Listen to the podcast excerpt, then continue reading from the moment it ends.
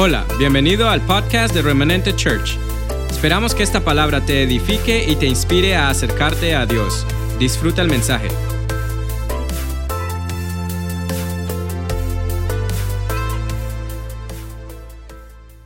Como título para lo que Dios nos dio esta mañana, para esta palabra que queremos compartir, eh, tenemos una pregunta.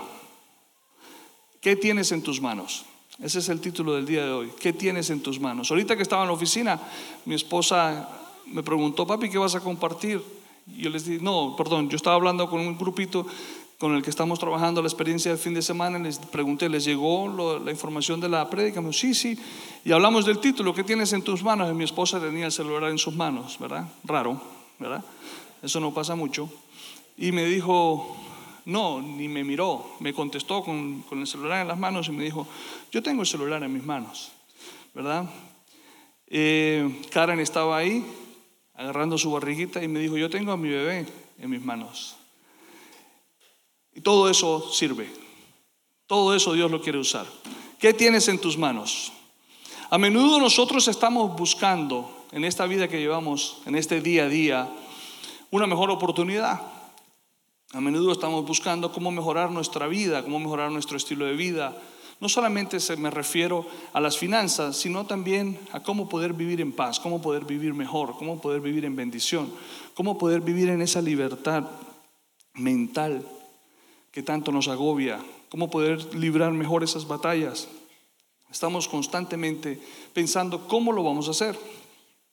Hay ocasiones en las que Queremos darle sentido a nuestra vida y no encontramos cómo. Porque estamos perdiendo batallas mentales. Lo hablábamos el domingo pasado. Afortunadamente, algo que nos enseñó el Señor, muchas gracias. Que tienes en tus manos una botella de agua y eso sirve mucho. Gracias, pastor. Eh, aprendíamos el domingo pasado que nosotros y el Señor no pensamos igual. Y eso es en favor nuestro y en ventaja nuestra, porque sus pensamientos son mejores que los nuestros. Hemos escuchado acerca del propósito de Dios, el propósito de Dios para nuestras vidas, cómo hago para alcanzar el propósito de Dios, qué tengo que hacer, cómo me tengo que comportar, qué tengo que cambiar. Ahí me quiero detener un poco, porque hacíamos una analogía con mi esposa muy sencilla, y hay cosas Tú y yo somos únicos. Yo no me parezco a nadie. Dios me hizo como me hizo y soy único. Mi esposa es única, mis hijos son únicos, mis nietos son únicos. Tú eres único. Tengo familiares que tienen una semejanza y un parecido, ¿verdad? Por los genes y el ADN, pero no somos iguales. Somos completamente diferentes. Entonces, a veces caemos en la obsesión de querer cambiar para estar mejor. Y yo analizaba que una rosa no va a querer nunca parecerse a un clavel, ni va a poder hacerlo. Ni un clavel va a poder parecerse nunca, ni va a querer hacerlo, parecerse a una rosa. Así somos nosotros. Pero nos dejamos distraer por ese Instagram bendito y queremos empezar a seguir gente y queremos parecernos a personas y se nos va olvidando poco a poco nuestra identidad. Queremos cambiar hasta nuestra manera de hablar. Queremos cambiar nuestra sonrisa y nos mandamos a hacer un trabajo impresionante en los dientes porque es que no me gustan mis dientes. Queremos operarnos las orejas y no pregúntenle a Juan Carlos Villa. ¿Verdad? Pastor, yo te amo. Pero es verdad nos, nos, nos, nos molestan nuestras orejas. Y ese hombre no sabe la gracia que tiene él es por las orejas. ¿Verdad? Ese hombre se pone las orejas más pequeñas y ya no lo reconozco. Se le va la unción. Pero caemos en ese afán y en ese deseo de querer cambiar y de querer transformar nuestras vidas. Y sabes algo, Dios te hizo único y como Dios te hizo, así Dios te quiere usar. Dios quiere usar tus ojos, tu sonrisa, tus manos, tu agilidad para pensar, tu agilidad para poder estar anticipado ante situaciones. Ay, no, pero es que a mí no, yo sabía que eso iba a pasar, yo quiero cambiar esa manera de ser, porque es no, así te quiere usar Dios. Dios te hizo gordito, rellenito, pero te hizo ágil. Tú no sabes si hay alguien allá afuera que te ve rellenito un poquito, pero te ve con esa agilidad y dirá, hey yo, yo puedo ser como él. ¿Verdad? Y se libera de esa carga emocional de no aceptarse delante del espejo porque tiene una librita de más. Al contrario, encuentra una inspiración en alguien que es capaz de hacerlo y que es capaz de vivir en paz, que es capaz de vivir en gozo, que es capaz de vivir en alegría, que es capaz de vivir su vida con propósito, a pesar de las libritas de más. Y no pregúntemelo a mí. Es importante saber y entender que hay cosas en nuestras vidas que Dios no quiere cambiar. Es que no me gusta cómo camino. Dios no quiere cambiar eso. Dios no se detiene en esas cositas, todo eso Dios lo quiere usar. No me gusta mi cabello, si yo tuviera mi cabello liso, las mujeres, ¿verdad? Si yo tuviera mi cabello liso, Dios mío, yo sería la mujer más feliz del mundo. Mi esposa, mi amor, disculpa, hoy sí te tocó. Mi esposa usa su cabello rizado, hermoso. ¿Sabes? Fue lo primero que a mí me, me gustó de su cabello, me enamoró de su cabello. Y la primera pelea así que tuvimos discusión fue y se lo cortó como hasta por aquí. ¿verdad? Y yo le dije, se te ve hermoso de todas maneras, mi amor. Pero su cabello me gusta muchísimo. Y ella, hay semanas en donde entra en el afán de querer ir a alisarse el cabello. Y se alisa el cabello, se le ve bello igual. Pero cuando yo la veo en los lives que ella hace, no sabe qué hacer con su cabello. No se sabe comportar con un cabello liso. ¿Verdad? Entonces se confunde y empieza a mover el cabello para allá y el cabello para acá y se lo recoge y se lo sube y se lo pone para un lado y, y, se, y se distrae de, de lo que Dios la está colocando a hacer. Pero cuando tiene su cabello así como está, que se ve bella y hermosa, fluye con una unción impresionante. Amén. Entonces Dios no te quiere cambiar. Dios no te quiere cambiar. No, que si yo fuera alto, en el caso mío, ¿verdad? Si yo fuera alto, mi, esposa, otra vez, teníamos unos señores trabajando en la casa y me, le dice, me hace un favor, esa lámpara yo la veo muy alta, ¿será posible que la puedan bajar un poquito? Que me, me gustaría que se viera. Yo me la quedé mirando y le dije, mami, para cualquiera que mide 5'4, eso está en el cielo. Eso está. Y el Señor me miró y me dijo, disculpe, pero es que está a la altura que tiene que ir más abajo, no puede ir porque la tropiezan los muebles cuando pasa la gente por aquí. Yo dije, no, déjela y ahí está bien. En el caso mío es igual, yo quisiera ser más alto. Oh, yo quiero, ¿no?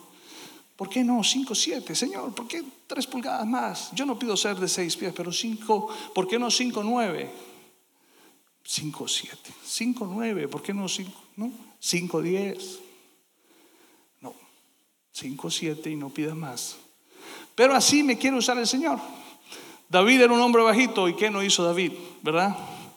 Por ejemplo, cuando yo veo a René y lo veo al totote, yo le digo, la perspectiva de la vida de René debe ser otra, hermano. ¿Ah?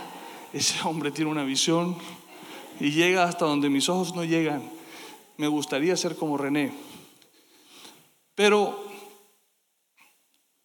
yo pienso que en algún momento todos debemos encontrarnos con la verdad de que lo que Dios hizo, como Dios nos hizo, como Dios nos formó, how we were wired, la manera en como Dios nos diseñó internamente, es única, es especial, es exclusiva, es una obra maestra. Usted y yo somos una obra maestra. Y eso Dios lo quiere usar. No te dejes entretener, no te dejes distraer por querer parecerte a otros. Sé tú, de la mano de Dios, y lo vas a disfrutar. Vamos a disfrutar mucho más esto. Pero en ese afán, en ese afán que todos vivimos, en ese deseo de querer cambiar, nos desesperamos muchas veces porque queremos mejorar. Pero ¿qué me dice a mí la palabra? ¿Qué me dice a mí la palabra? Cuando yo uso, cuando, cuando el Señor me da como título, ¿qué tienes en tus manos? Allí vamos a llegar. Pero antes de eso quiero sentar un fundamento. Porque tenemos muchísimo en nuestras manos y no lo sabemos. O quizás lo sabemos, pero hoy vamos a ser empoderados en lo que Dios nos ha dado. Quizás lo hemos escuchado y hoy el Señor lo va a reafirmar en nuestras vidas. ¿Qué tenemos en nuestras manos? Efesios 2 del 8 al 10 dice, Dios nos salvó por su gracia cuando creímos. ustedes, o sea, nosotros, no tienen ningún mérito en eso, es un regalo de Dios. La salvación no es un premio por las cosas buenas que hayamos hecho. No hay nada que podamos haber hecho para poder ganar esa salvación. Así que ninguno de nosotros puede jactarse de ser salvo, pues somos la obra maestra de Dios. Somos su obra maestra. Somos, mm, quiero que me entiendan esto, como creación de Dios somos perfectos. Usted nunca se ha preguntado cuando se come una libra de carne cómo hace el cuerpo para procesar eso. Detengámonos un segundo allí y después se nos da por comernos un chocolate con una botella de agua y el cuerpo lo procesa. Somos perfectos como creación de Dios. Nuestro cuerpo, nuestra creación, nuestros aparatos, nuestro aparato digestivo, nuestros órganos son perfectos. Somos su obra maestra. La palabra lo dice, pues somos la obra maestra de Dios. Él nos creó de nuevo en Cristo Jesús, o sea, volvimos a nacer en Cristo Jesús, a fin de que hagamos las cosas buenas que preparó para nosotros tiempo atrás. O sea que tiempo atrás Dios preparó cosas buenas para nosotros Dios hizo planes con nosotros. Y en Cristo Jesús lo vamos a poder hacer porque somos su obra maestra.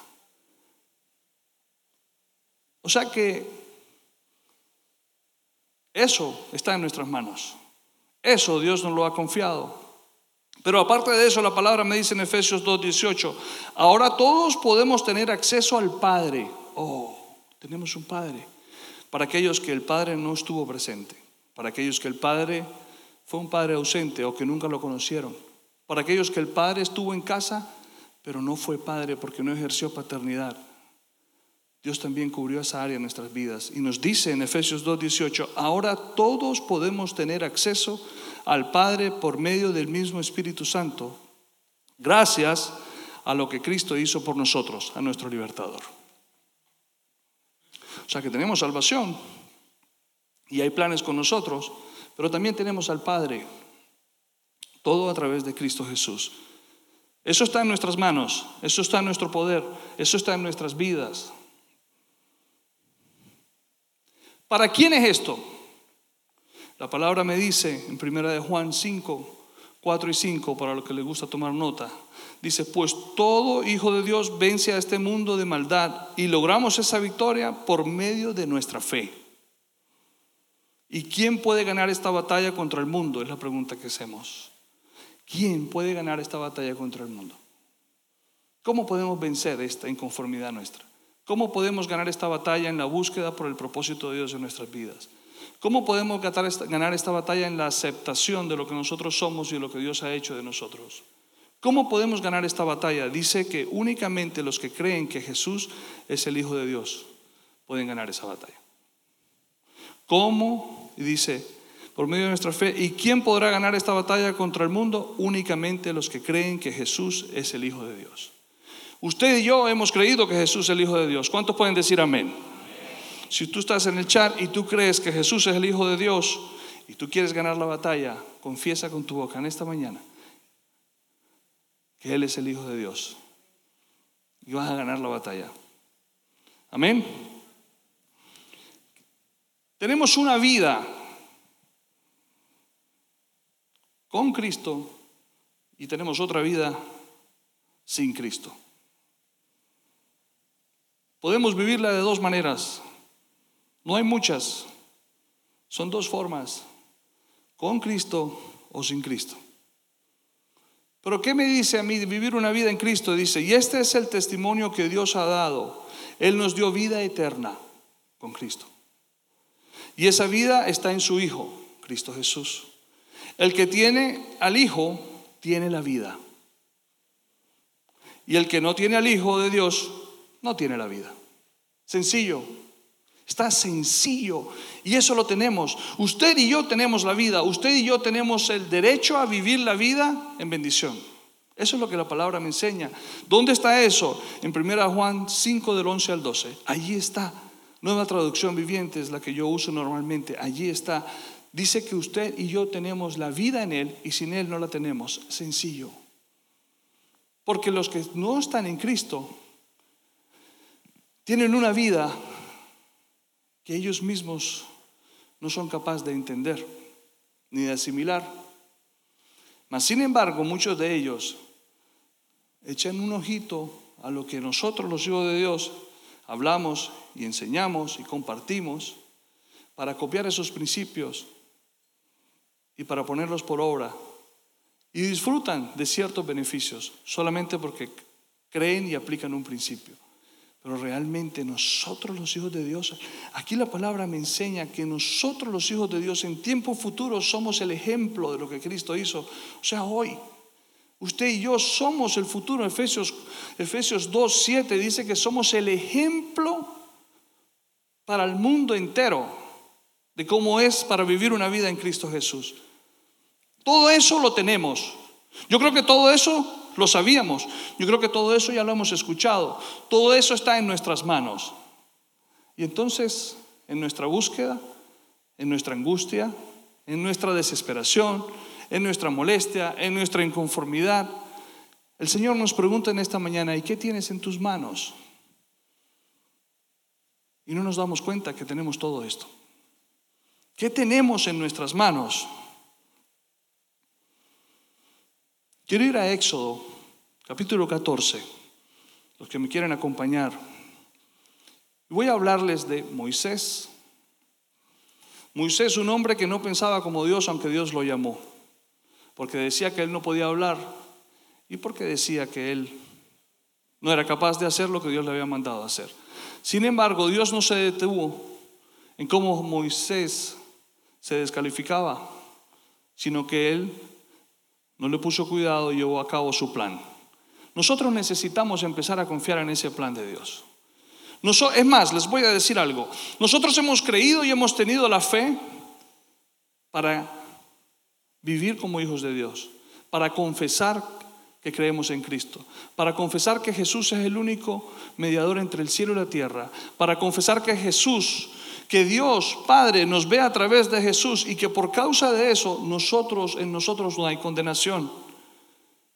Nosotros creemos lo suficiente como para venir delante de Dios y arrepentirnos y confesar nuestros pecados y ser rescatados, restaurados, levantados, sanados, restituidos. Creemos en Dios porque creemos en la restitución de Dios. Creemos que todo lo que se nos ha quitado nos será devuelto siete veces más y a unos muchas veces más que siete veces. Amén. Todo eso lo creemos, todo eso está en nuestras manos. Pero hay una segunda parte del Evangelio que nos cuesta empezar a vivir, que nos, nos cuesta mucho empezar a aplicar en nuestras vidas, porque nos hemos quedado en lo que creemos y se nos ha olvidado la aplicación de lo que creemos. Usted sabe, oh, usted sabe que como cristianos nos hemos vuelto consumidores de prédicas? Yo quiero que ustedes analicen a cuántos predicadores ustedes siguen y cuántas prédicas ustedes escuchan. Yo quiero que ustedes me digan cuántos devocionales ustedes leen. Las cartas de María, las cartas de Elena, las cartas... Todo eso es bueno. Pero nos hemos vuelto consumidores, así como nos volvemos consumidores de comida rápida, consumidores de zapatos, en mi caso, consumidores de bolsos, en el caso de mi esposa, para los que no sabían. Eh, nos hemos vuelto como cristianos, hoy sí, hoy te tocó feo, mami. Nos hemos vuelto como cristianos consumidores de prédica, porque estamos en el afán y en el deseo de venir los domingos a escuchar la palabra que nos va a cambiar la vida, cuando ya Dios nos la dio, cuando ya la hemos confesado, cuando ya la hemos creído, cuando incluso la hemos enseñado, cuando hemos orado por otros, confesando esa palabra. Pero esa segunda parte de empezar a vivir lo que hemos creído nos cuesta mucho. Porque queremos hacerlo a nuestras formas, queremos hacerlo a nuestra manera, queremos hacerlo en nuestro plan, queremos hacerlo y lo hemos idealizado y lo hemos como lo hemos idealizado y como lo hemos planeado. Moisés nunca se imaginó que el Señor lo iba a llamar de nuevo y que lo iba a hacer volver a Egipto nunca se imaginó que iba a entrar otra vez al palacio del faraón. Porque nosotros no pensamos igual que Dios. Y Dios no piensa igual que nosotros y por eso el Señor en esta mañana nos trae una palabra en donde nos quiere empoderar. Es el momento de empezar a vivir el Evangelio. Es el momento de mirar lo que tenemos en nuestras manos. Es el momento de usar lo que tenemos en nuestras manos. Es el momento de ponerlo por práctica, por obra. Es el momento de es el momento de ejecutar el plan que Dios te dio. Estamos en el tiempo de ejecutar el plan. Usted sabe que usted y yo vamos a poder ser el ejemplo para las generaciones y para los no creyentes cuando ejecutamos el plan solamente. No cuando lo confesamos, no cuando lo creemos, no cuando nos colocamos títulos, sino cuando lo ejecutamos. ¿Quiere usted ser el ejemplo? ¿Queremos ser el ejemplo? ¿Quiere ser el ejemplo? Déjame saber si quiere ser el ejemplo con un amén. ¿Quiere ser el ejemplo, iglesia? Yo quiero ser el ejemplo. Porque es que lo que pasa, que siendo el ejemplo, entro en el cumplimiento de su palabra y de su promesa. Y empiezo a disfrutar de la libertad y de la herencia en vida que Dios nos dio a través de su Hijo Jesús. Si pudiéramos agarrar esto y vivirlo día a día y entender pero más de entender, saber, pero más de saber vivir y disfrutar, que usted y yo tenemos nuestra herencia en nuestras manos y que es el momento de vivirla, cambiaría la confesión, cambiaría los pensamientos, cambiarían muchas cosas en nuestras vidas. Ahí es cuando el dolor se vuelve en gozo. Qué difícil, ¿verdad? Pero allí es cuando somos liberados de todo dolor, de toda angustia, de toda tristeza, de toda decepción, cuando empezamos a vivir esa herencia en Cristo Jesús. ¿Sabes que parte de la herencia de Jesús dice que su unción pudre todo yugo de opresión? La unción de Dios pudre todo yugo de opresión. Tú sabes que el Señor rompe toda cadena de esclavitud financiera, demoníaca, de enfermedad. Tú sabes que tú has sido llamado para cambiar tu línea de sangre y que la bendición entre a la vida de, de los tuyos y de tu generación, pero no solamente porque lo crees, sino porque ejecutas el plan de Dios. Es el momento de usar lo que tenemos en nuestras manos. Mientras el faraón se acercaba a los israelitas, levantaron la vista, los israelitas se levantaron la vista y se llenaron de pánico al ver que los egipcios lo alcanzaban, entonces clamaron al Señor. Éxodo 14, 10 y de ahí en adelante. Y le dijeron a Moisés, ¿por qué nos trajiste aquí a morir en el desierto? ¿Acaso no había suficientes tumbas para nosotros en Egipto? ¿Qué nos has hecho, Moisés? ¿Por qué nos obligaste a salir de Egipto? ¿No te dijimos que esto pasaría cuando aún estábamos en Egipto? Te dijimos, déjanos en paz, déjanos seguir siendo esclavos de los egipcios. Es mejor ser un esclavo en Egipto que un cadáver en el desierto. Yo me recuerdo que hablé de este versículo una vez y dije que hay gente que dice que es mejor ser cabeza, no, ya se me olvidó, estoy como Chespirito, ¿verdad? Igualito que Chespirito yo.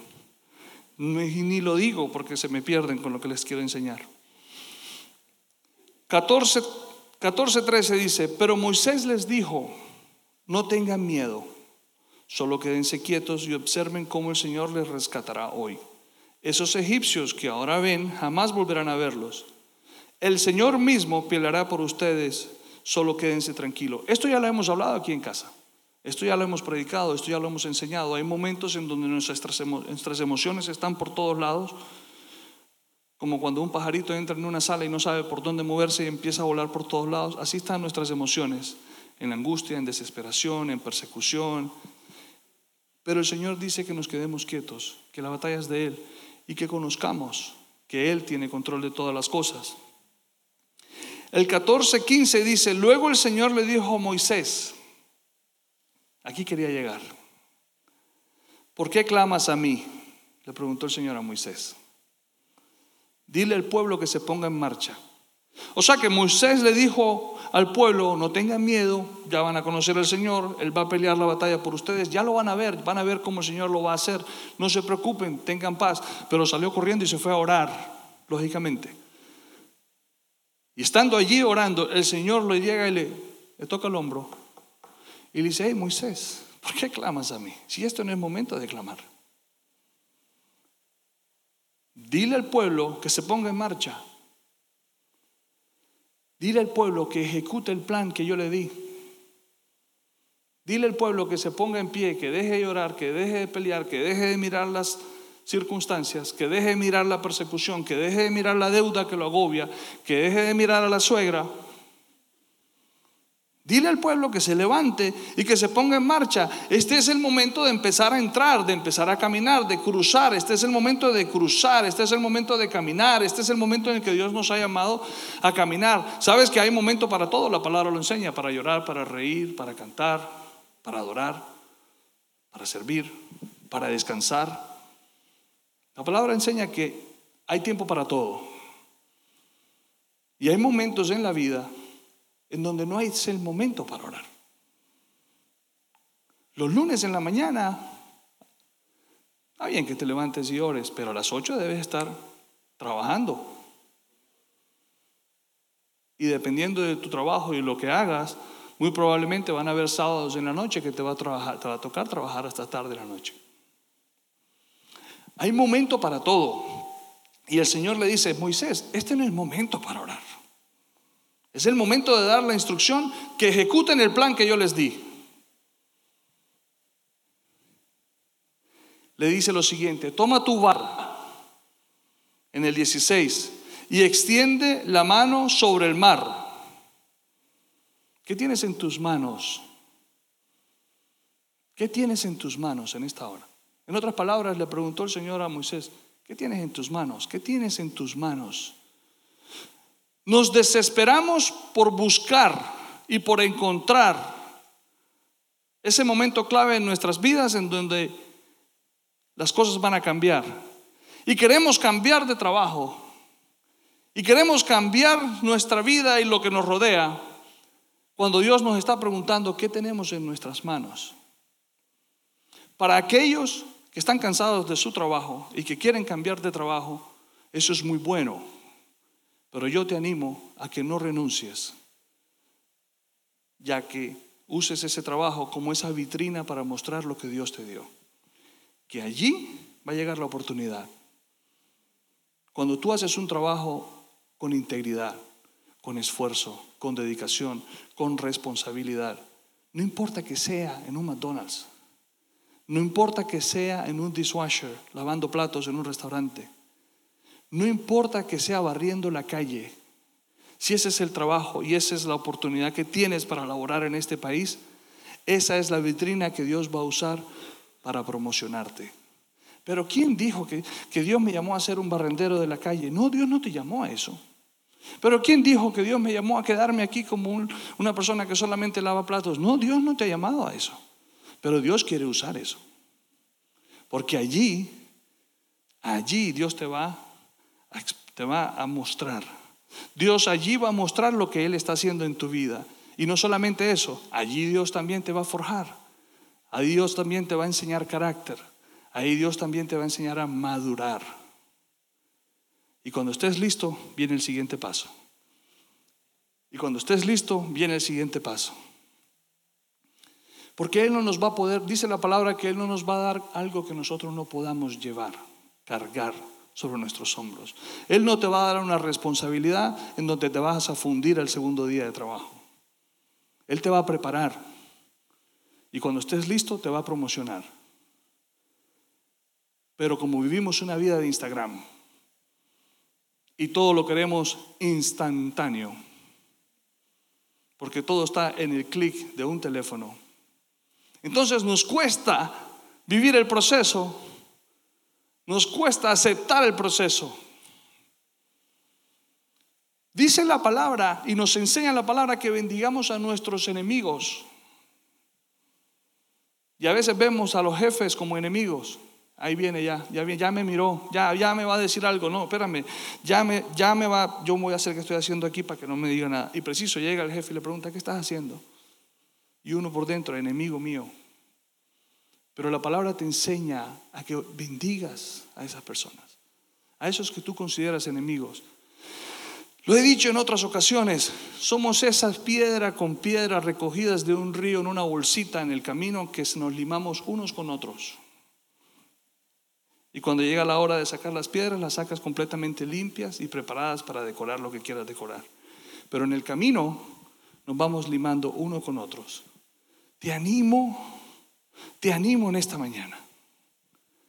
Te animo en esta mañana a que empieces a ejecutar el plan. Te animo en esta mañana a que uses lo que tienes en tus manos. Mi esposa me dijo, yo tengo el celular. ¿El celular sirve? Si no, pregúntenle cuántas llamadas llegan diariamente 20, 30 llamadas. ¿Cuántos textos está haciendo a diario para contestarle a la gente y para hablar con las personas? El celular sirve, usa el celular. Como me dijo Karen, yo tengo mi bebé cargada en mis manos ahorita mismo. Ora por esa generación. Proyecta esa generación. Bendice esa generación. Levanta esa generación. ¿Qué tienes en tus manos? ¿Dónde estás ahorita? ¿Qué estás trabajando? ¿Qué estás haciendo? Eso tienes en tus manos y eso Dios quiere usar. Tu cabello rizado Dios lo quiere usar. Tu linda sonrisa que te tapas detrás de esa máscara Dios la quiere usar. La agilidad que tienes para hacer deportes, Dios la quiere usar. La gracia que Dios te ha dado, Dios la quiere usar. El don que Dios te ha dado, Dios lo quiere usar. El talento de cantar, Dios lo quiere usar. El talento de danzar, Dios lo quiere usar. El talento de bailar, Dios lo quiere usar. Talento para pintar, Dios lo quiere usar. No, pero yo, yo quiero hacer algo más. Ahorita mismo, preocúpate por usar lo que tienes en tus manos, que Dios se va a encargar de promocionar y hacer el resto. Porque usando lo que está en nuestras manos, estamos ejecutando el plan. Usando lo que Dios nos ha dado, estamos caminando en el plan. Usando y poniendo en el camino nuestro y delante nuestro ese talento, ese don, esa gracia, ese favor, es ejecutar el plan. Y entonces vamos a empezar a vivir esa segunda parte del Evangelio y vamos a empezar a disfrutar, pero solamente si la ejecutamos. Nos hemos distraído mucho buscando qué es lo que tenemos que hacer. Y necesitamos usar lo que tenemos en nuestras manos. El Señor le dice a Moisés, divide las aguas para que los israelitas puedan pasar por en medio del mar pisando tierra seca. Luego Moisés en el 21 dice la palabra que extendió la vara sobre el mar y el Señor abrió un camino a través de las aguas mediante un fuerte viento oriental. El viento sopló durante toda la noche y transformó el lecho del mar en tierra seca. Ellos dejaron el mar en tierra seca. Pero Moisés le tocó dejar de orar le tocó empezar a marchar y no solamente eso, le tocó usar la vara que tenía en sus manos. Y a eso Dios nos llama en esta mañana. Dios te quiere empoderar con todo el plan que Dios te ha dado y con todo lo que Dios ha hecho por nosotros a través de Jesús para que empecemos a ejecutar el plan. Hermano Juan Carlos, pero eso es de Moisés, esa es la historia de Moisés. Es para personas que tienen un llamado ministerial como Moisés. Imagínate Moisés, el amigo de Dios. ¿Y yo quién soy? Afortunadamente el Señor nos dice en esta mañana que no pensamos igual. Nosotros no tenemos el privilegio que tuvo Moisés de ser llamado el amigo de Dios. Nosotros no tenemos ese llamado que tuvo Moisés. Imagínate abrir el mar en dos y que la tierra se secase y que el pueblo pasase. No, yo no me puedo, yo no puedo pensar, yo no, no, hasta allá no me alcanza. Hmm. ¿Quién se acuerda de Ananías? Ananías. Ananías era un creyente, dice la palabra, está en Hechos, al que el Señor lo llamó y le dijo, lo voy a leer aquí rapidito, está en Hechos. Hechos 9:10. Cuando Saulo de Tauso cae al piso y queda ciego, lo ayudan a levantar y cuando el hombre se levanta y abre los ojos se da cuenta que no ve nada. Entonces lo llevan, las personas que iban con él lo, lo llevan a la ciudad y en la depresión que Saulo tenía, tres días sin comer ni beber nada, ni se había bañado. En ese entonces no había desodorante, qué horrible. Ya se imaginan ustedes cómo estaba Saulo y en qué condición estaba, ¿verdad? Pero en oración el Señor le muestra a Saulo que hay un tal hombre llamado Ananías que iba a venir a orar por él. Y a mí me enseña la palabra en Hechos 9:10. Ahora bien, había un creyente. ¿Quién es creyente aquí? Yo soy creyente. ¿Usted es creyente? ¿Tú eres creyente? Quiero que me escribas en el chat. Yo soy creyente. Yo soy creyente. ¿Por qué yo soy creyente? Porque yo he creído en Jesús. Porque yo he creído que Jesús me rescató. Porque yo creo en la obra de Jesús en la cruz. Porque yo creo que no hay condenación que me pueda detener. Porque yo he confesado que Jesús es mi Señor y mi Salvador. Yo soy creyente. Yo he confesado mis pecados. Tú eres creyente. Y Ananías era un creyente. En Damasco llamado Ananías, el Señor le habló en una visión, lo llamó Ananías, sí Señor, sí Señor, respondió. Ananías no era cualquier creyente, porque cuando el Señor lo llamó, él escuchó la voz del Señor y dijo, sí Señor, sí Señor. O sea que él estaba familiarizado con la voz del Señor. O sea que él conocía la voz del Señor. O sea que él estaba listo y preparado como creyentes, ¿tenemos nosotros esa relación con Dios que nos permite estar listos para escuchar su voz? Como creyentes que somos, estamos listos, estamos caminando, estamos ejecutando lo que Dios ha dicho acerca de nosotros, de tal manera que hayamos podido edificar una relación que nos ayude a escuchar la voz de Dios y a entender la voz de Dios y a escuchar la dirección que Dios nos ha dado Solamente necesitamos ser creyentes. Ahí no dice que era un estudioso, ahí no dice que enseñaba en la sinagoga, ahí no dice que era un sacerdote. Era un creyente como usted y como yo. Pero sabía escuchar la voz, reconocía la voz de Dios. ¿Quieres e-, ejecutó el plan de Dios? Le dijo, tienes que ir a orar por Saulo. Saulo. Si Saulo me viene a buscar a mí, Saulo viene a matarme. Pero el Señor le dijo que Él lo estaba esperando, a Él con nombre propio. Porque a Él, a ese hombre Saulo, Dios lo había escogido para que llevase el Evangelio a los gentiles y también a los reyes. Y porque era un creyente que sabía escuchar la voz de Dios, caminó, obedeció y miren todo lo que Pablo hizo a causa de lo que un creyente como usted y como yo podemos hacer cuando sabemos escuchar la voz de Dios. No necesitamos ser sacerdotes.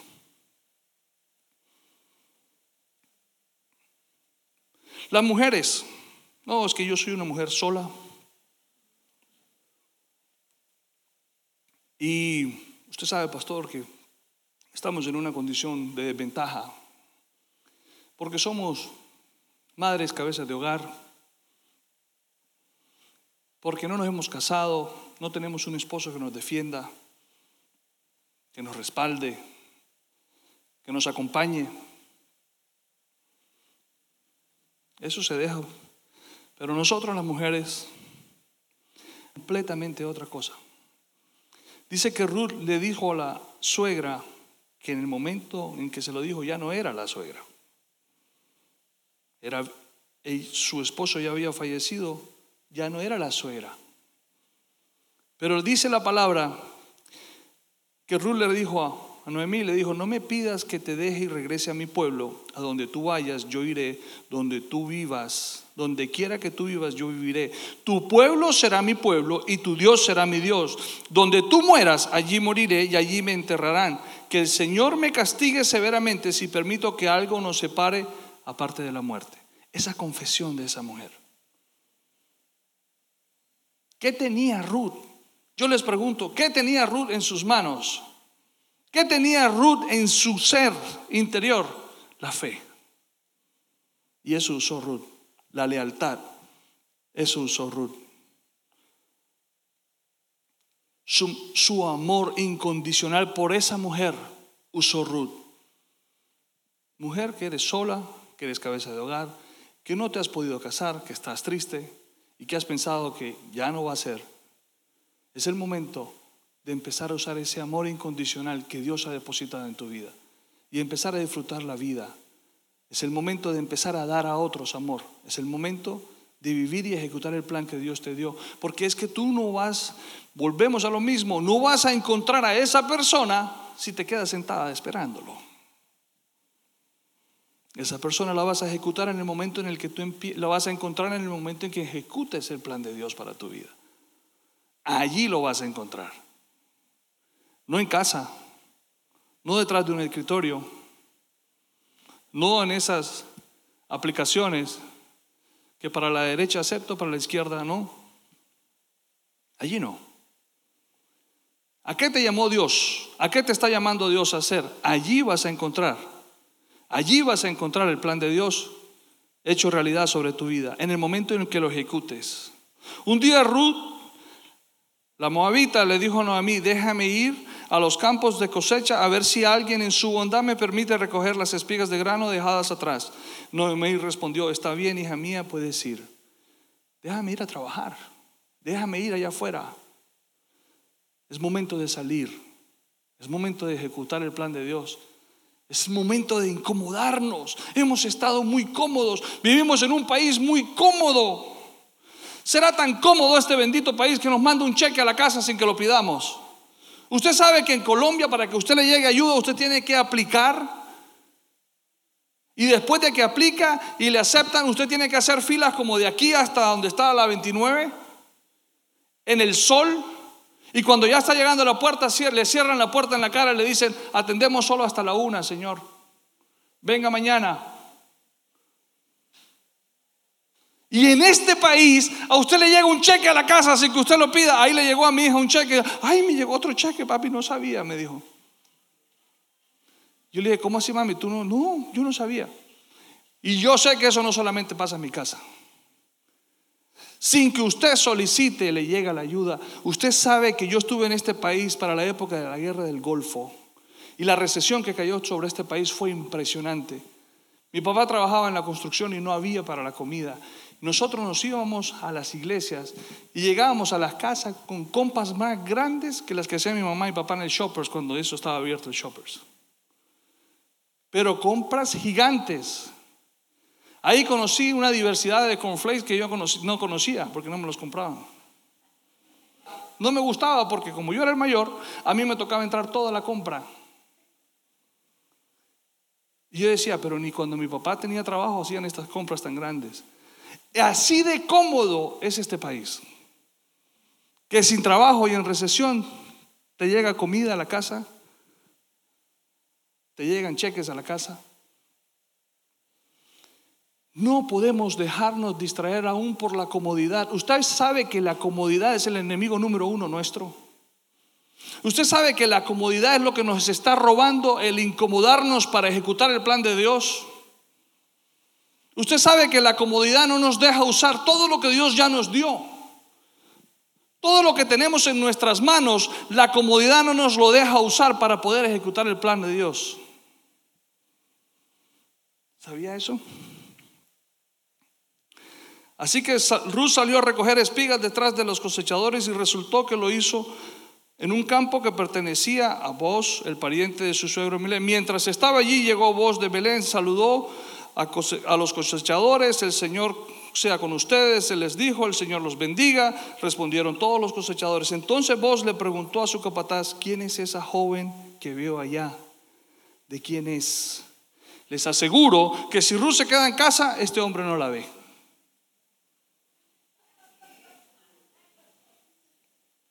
Ay, que dónde está mi príncipe azul, no está en la casa. Ay, que dónde está el hombre que Dios escogió para mi vida, no está en el celular. Ay, que dónde está esa persona que yo tanto le he dado a Dios para mí, porque es que yo soy una mujer sola, cabeza de hogar y, y, yo estoy en desventaja y definitivamente, bueno, gracias a Dios hay trabajo, no me hace falta nada y nos conformamos sin darnos cuenta cuando ese no es el plan de Dios para nuestras vidas.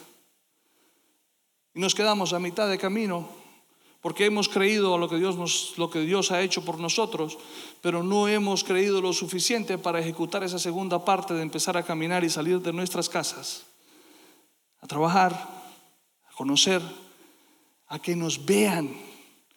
¿Qué tenía Ruth? Voluntad de trabajo. ¿Qué tenía Ruth? Berraquera. ¿Qué tenía Ruth? No tenía vergüenza. Ella recogía las sobras que caían al piso sin pena alguna.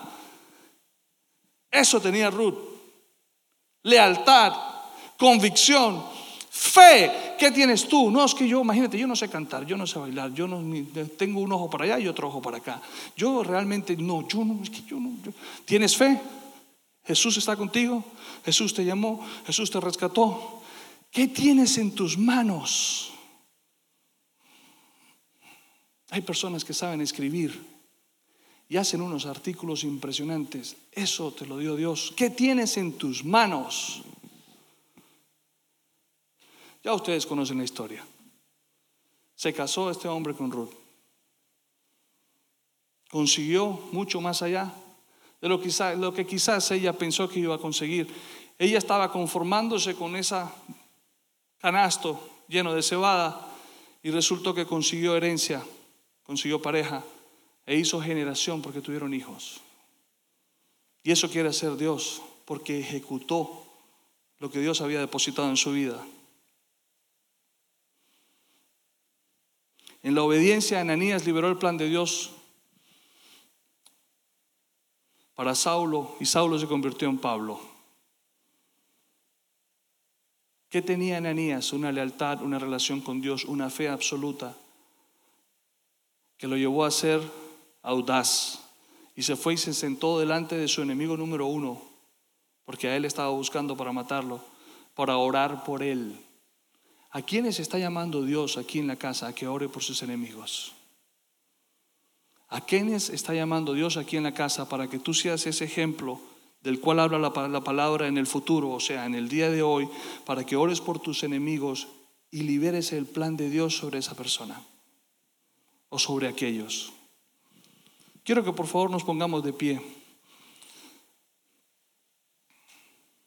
Donde sea que Dios te ha puesto, es el lugar que Dios está utilizando para que tú, para usarlo y para entrenarte, para bendecirte, para capacitar peones.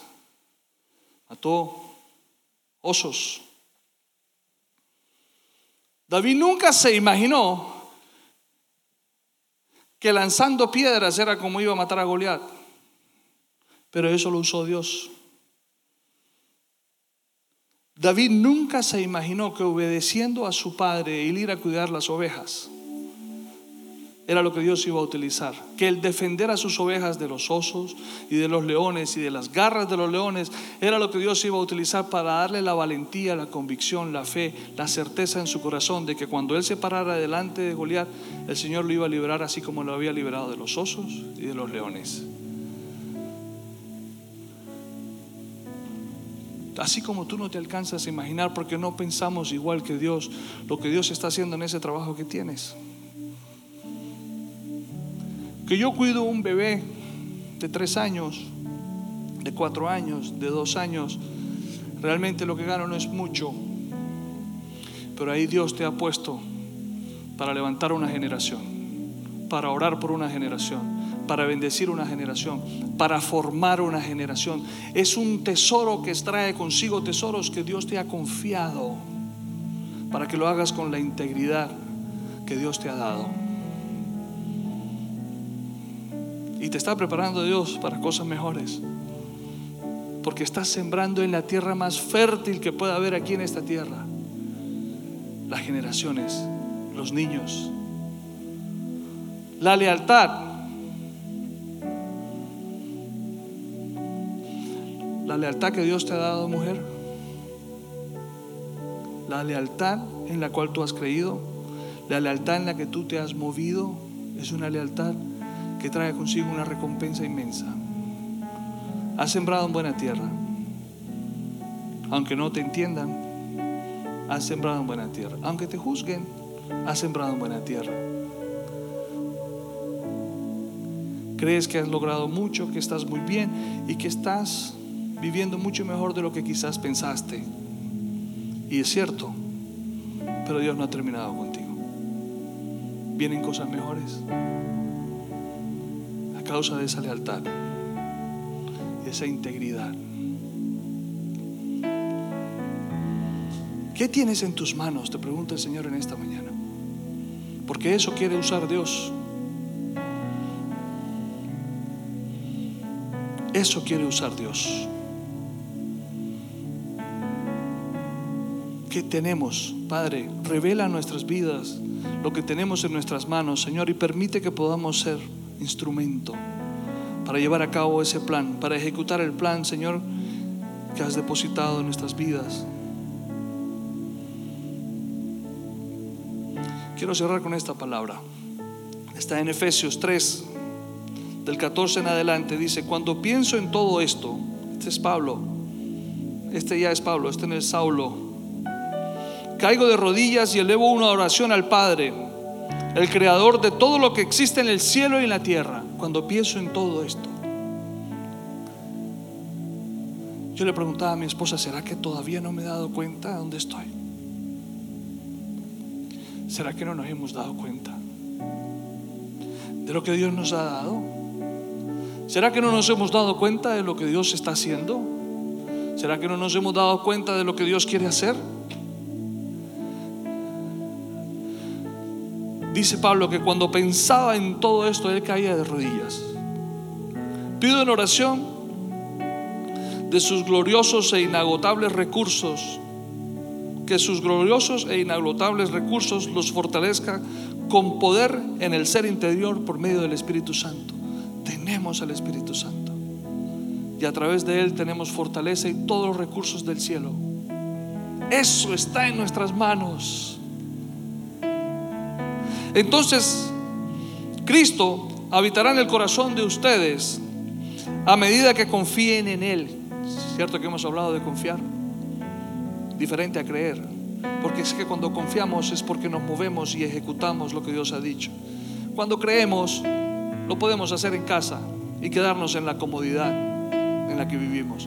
Pero cuando confiamos, nos movemos. ¿Y qué me dice la palabra? Que entonces Cristo habitará en el corazón de ustedes a medida que confíen en Él. Echarán raíces profundas en el amor de Dios y ellas los mantendrán fuertes. Espero que puedan comprender como corresponde a todo el pueblo de Dios cuán ancho, cuán largo, cuán alto y cuán profundo es su amor. Es mi deseo que experimenten el amor de Cristo, aun cuando es demasiado grande para comprenderlo todo, y de verdad que lo es. Pero no tenemos que comprenderlo todo. Entonces serán completos con toda la plenitud de la vida y el poder que proviene de Dios. Y ahora, que toda la gloria sea para Dios, quien puede lograr mucho más de lo que pudiéramos pedir o incluso imaginar mediante su gran poder que actúe en nosotros. Eso tenemos en nuestras manos. Eso tenemos en nuestras manos. Su gran poder, el poder del Espíritu Santo de Dios su poder que lo puede todo y que tiene todos los recursos que necesitamos. Levanta tus manos, quiero orar por ti. Que sube la alabanza, por favor. Padre, en el nombre de Jesús, Señor, en esta mañana nos presentamos delante de ti, mi Dios. Primero que todo, dándote gracias, Señor, por todo lo que has confiado y has colocado en nuestras manos. Gracias por la salvación. Gracias por el sacrificio en la cruz. Gracias por liberarnos de toda condenación. Gracias por sanarnos. Gracias por amarnos incondicionalmente. Gracias porque no miras, Señor, nuestros errores ni nuestros pecados. Gracias, Señor, porque nos salvaste. Porque nos has dado vida eterna. Gracias, Señor, porque no solamente me has dado salvación, sino que también me has dado una herencia en vida, Señor, para disfrutar. Gracias por la libertad. Gracias por tu palabra que es más cortante que toda espada y penetra hasta lo más profundo de mi ser, Señor, y transforma mi vida. Gracias, Señor, por tu presencia, por tu amor. Gracias, Señor, por lo que has confiado en nuestras manos. Gracias por lo que nos has dado. Te pedimos perdón, Señor, si hemos hablado mal del trabajo que tenemos. Si hemos deseado lo del, prójimo, Señor olvidando lo que ya tú nos has dado. Te pedimos perdón, Señor, si no nos hemos detenido a analizar y a ver todo lo que tú nos has dado y nos has confiado. Mas te pedimos y declaramos igualmente en el nombre de Jesús que tú nos reveles Que tú nos des la unción, que nos des la gracia, la convicción, la certeza. De Dios, como te plazca sobre nosotros, Señor. Unge nuestro caminar, unge nuestro día, nuestra noche. Llévanos, guíanos, muéstranos, enséñanos. Danos, Señor, la sabiduría. Danos, Señor, la certeza. Danos, Señor, la fortaleza. Danos la convicción. Llévate todo dolor, Señor, y toda angustia. Yo reprendo en el nombre de Jesús todo pensamiento que está contrario, Señor, a tu plan, a la ejecución de tu plan a la ejecución de tu propósito. Gracias Señor porque no busco más tu propósito. Gracias Señor porque ejecuto tu propósito en mi vida a través de tu palabra. Gracias Señor porque no quiero ser un consumidor de palabra, de prédicas. Quiero ser una persona que vive tu palabra en el nombre de Jesús. Padre, yo bendigo este pueblo, Señor, con toda bendición sobrenatural. Y declaro esta palabra sobre sus vidas. Y declaro, Señor, que tú Aquel que comenzó la obra en nosotros la terminará, Señor, en el nombre de Jesús. Amén y amén. Aleluya. Dale un fuerte aplauso, Señor, y alábale. Esperamos que este mensaje haya sido de bendición. No te olvides de suscribirte a nuestro podcast y seguirnos en Facebook e Instagram arroba remanente church.